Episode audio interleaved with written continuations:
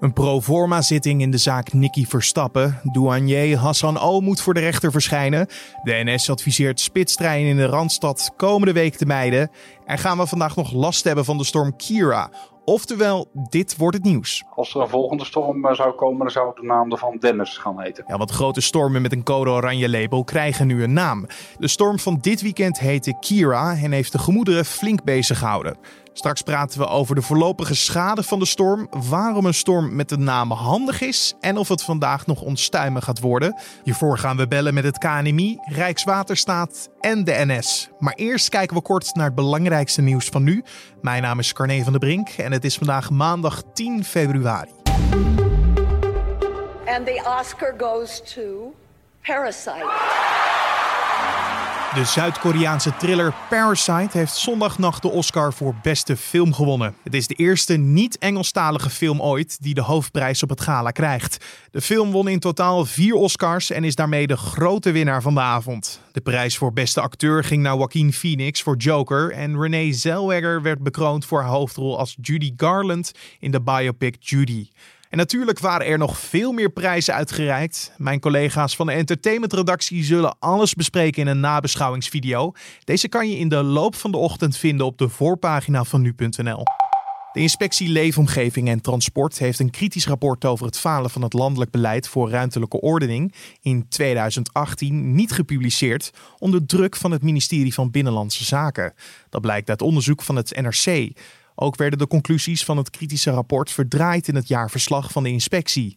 In het jaarverslag van 2018 staat dat het goed gaat met de decentralisatie van de ruimtelijke ordening in Nederland, terwijl het rapport van de inspectie dat juist tegenspreekt. Na enig aandringen heeft de inspectie het rapport aan de krant vrijgegeven.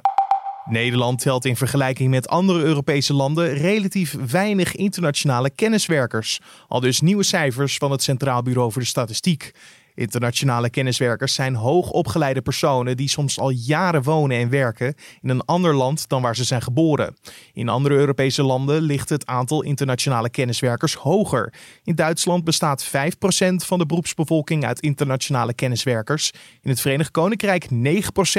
En Luxemburg spant de kroon. Daar bestaat ruim een kwart van de beroepsbevolking uit internationale kenniswerkers. En dan gaan we over naar het gesprek van vandaag. En natuurlijk moeten we het dan in de podcast van vandaag hebben over de storm van gisteren. Want Kira raasde over het land en met verschillende gevolgen. Zo waren er bomen op wegen en auto's gevallen, heeft de NS op sommige delen van het spoor schade geleden, schorste luchthaven Schiphol 240 vluchten op en verzekeraar Interpolis spreekt van tenminste 600 schademeldingen. Er werd in aanloop al veel gesproken over dat het een zware storm kon gaan worden. Ik vroeg aan Jos Diepeveen, meteoroloog van het KNMI, gisteravond of alle waarschuwingen op zijn plaats waren. Um, en uh, we zien aan de kust uh, zien we toch uh, even zo'n windstoot geweest van rond de 120 km per uur. Bijvoorbeeld Vlieland heeft een windstoot gehad van 129 km per uur. Daar zit je toch echt wel in de code oranje criteria, zoals ze dat noemen. Dus eigenlijk de hele kuststrook, uh, ja, die, uh, die heeft daar echt wel uh, van die windstoten rond de 120 km per uur gehad. En ook boven land zien we ze rond de 100 km per uur. De storm is op dit moment nog niet, nog niet helemaal voorbij. We verwachten eigenlijk in de loop van de avond nog de zwaarste wind boven land. dus ja, het ziet eruit uit dat dat zeker wel een terechte code oranje is. Ja, want hoe uniek was en is deze storm eigenlijk? Uh, ja, stormen komen in Nederland natuurlijk wel vaker voor. Deze storm is uh, best wel uh, een, een, zware storm. Maar is zeker niet heel erg uniek. Wat minder heftig, denk ik zelfs dan de storm van 18 januari 2018. Dus komt toch al één à twee keer in, in twee jaar voor ongeveer. Die van 2018 was dan misschien heftiger. Maar ik las wel dat er orkaankracht was gemeten. Wat betekent dat precies? Uh, orkaankracht, daar spreken we van, uh, van windkracht 12 of meer. En dan heb je het dus over een gemiddelde windsnelheid van meer dan 120 km per uur. en dus dan hebben we het niet over de windstoten. Die kunnen dan nog echt een stuk hoger zijn, zeg maar. Ik had het net het over de storm. Maar jullie hebben het voor het eerst een naam gegeven. Um, hoe spreek ik het uit? Chiara, Chiara? Vertel. Uh, ja, de uitspraak, dit is een, uh, dit is een Ierse naam, was, was een inzending van de Ieren. En dat moet, dat, wat ik heb begrepen in ieder geval, ik ben ook geen taalexpert, is het Kera. Zo moet je het uitspreken. Alleen, wat is de meerwaarde van een storm een naam geven? ja, nou, het is uit onderzoek in Groot-Brittannië gebleken dat ja, naamgeving van stormen het bewustzijn van gevaarlijk weer verhogen. En zorgen dus ook voor een, ja, consistente, ja, een eenduidige boodschap aan het publiek. En uh, ja, het blijkt ook te helpen om mensen echt uh, de, toe uh, aan te laten zetten om actie te ondernemen. Hè, om schade en letsel te voorkomen. Daarvoor werken wij ook samen in dit initiatief. Ja, want het is een afspraak met meerdere landen, hè? Ja, klopt. Ja. wij werken in dit geval werken we in Europees verband werken we samen met alle nationale weersinstituten. En in dit geval met Engeland en Ierland onze stormen komen vaak uit het westen. Dus uh, in die zin uh, hebben, wij, hen, hebben we ons bij dat blokje aangesloten.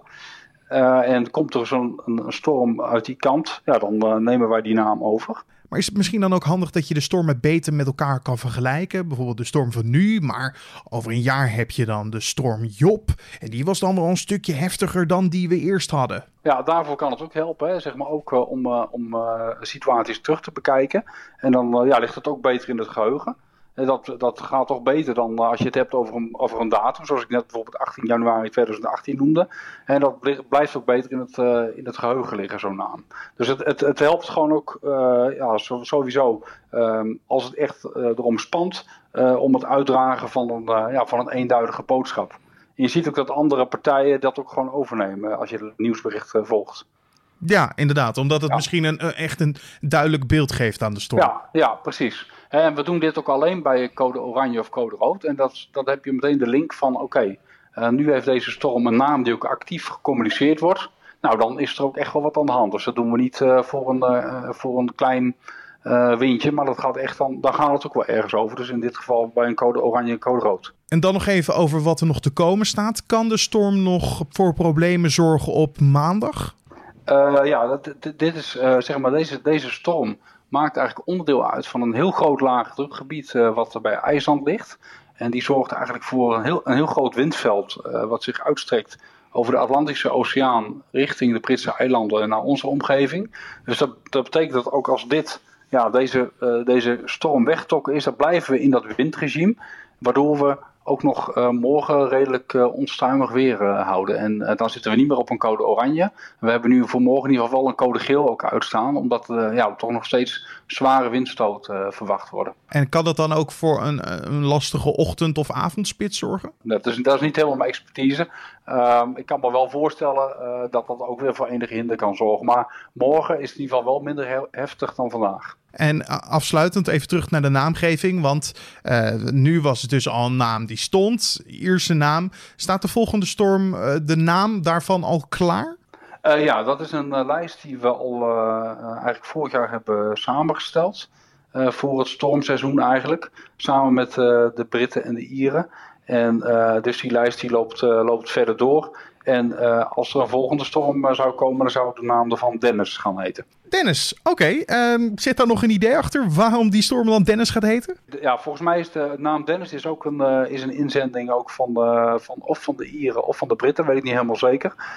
dus dat, um, en ik weet wel dat ze in Engeland en Ierland gebruiken, gebruiken ze ook het publiek om, uh, ja, om zeg maar namen te nomineren die dan uiteindelijk geselecteerd worden. Zouden we dan in Nederland ook binnenkort een naam kunnen inzenden?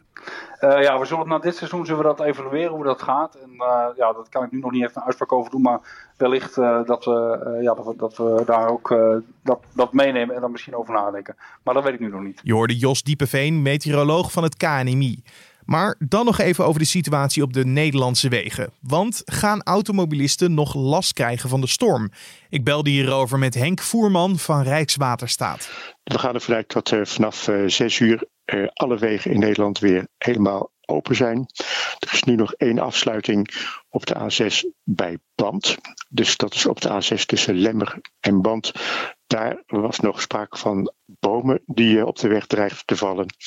Uh, ja, we verwachten een drukke ochtendspits. Ja, en de AWB roept vooral bestuurders van uh, busjes, lege busjes, vrachtwagens en uh, automobilisten met een aanhanger om twee keer na te denken voordat ze de weg op gaan. delen jullie ook deze waarschuwing? Nou, wij vragen aan alle automobilisten om de weersverwachting en de verkeersinformatie in de gaten te houden. We verwachten een drukke ochtendspits. En uh, bestuurders van busjes en auto's met aanhangers, ja, het is goed als die eventjes specifiek opletten en alert zijn op uh, windstoten van 75 tot 100 km per uur. Dus goed opletten als je vandaag de weg op gaat en hou alle weerberichten en verkeersinformatie in de gaten. Je hoorde Henk Voerman van Rijkswaterstaat. En dan heb je ook nog het spoor. Misschien dat je vandaag uh, met de trein naar je werk of school gaat, maar dan moet je natuurlijk wel weten of die rijdt. Door de storm was er schade aan delen van het spoor en ProRail heeft in de nacht dat allemaal proberen op te lossen. Of dat gelukt is, dat vroeg ik aan Hessel Koster van de NS. Ja, nou eigenlijk uh, behoorlijk goed. Er is de hele nacht heel hard doorgewerkt door collega's van ProRail, uh, storingsploegen in het land, om zoveel mogelijk stormschade te herstellen. En dat is eigenlijk goed gelukt. Dus dat betekent dat op de meeste plaatsen vanochtend de treindienst weer goed op gang komt. Uh, een enkele uitzondering daar gelaten. Op dit moment uh, is er sprake van werkzaamheden uh, in de zogenoemde Willemsporttunnel. Um, die zijn uitgelopen door de uh, storm. Um, dat betekent dat er tussen Dordrecht en Rotterdam nog wat minder treinverkeer kan plaatsvinden vanochtend. En ook op de hoge snelheidslijn is er vanwege de huidige weeromstandigheden, omdat het nog altijd hard waait, uh, zijn er beperkingen van kracht. Dat betekent dat er op dit moment nog geen treinen kunnen rijden over de hoge snelheidslijn. Maar jullie adviseren voor vandaag, hou gewoon de reisplanning in de gaten? Ja, dus het is echt, dus eigenlijk ziet het er, ziet het er uh, heel goed uit als je zag hoeveel overlast er uh, geweest is gisteravond en, en afgelopen nacht. maar voor reizigers geldt zeker dat ze inderdaad advies krijgen om nog even de reisplanner te raadplegen. Het zal ook zo zijn dat treinen her en der korter zullen rijden dan, dan normaal omdat uh, ook de voorbereidingen in de nacht niet helemaal zijn verlopen zoals normaal.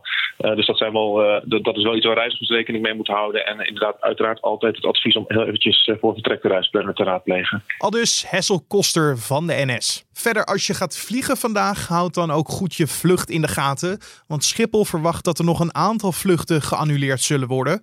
De totale schade die gemaakt is door de storm Kira is nog onduidelijk. In de loop van de dag zal daar meer over bekend worden gemaakt. En dan kijken we nog even wat er verder op de agenda voor vandaag staat. In Maastricht is vandaag weer een pro forma zitting in de Nicky Verstappen rechtszaak. Jos B. wordt verdacht van betrokkenheid bij de dood van de toen 12-jarige Nicky.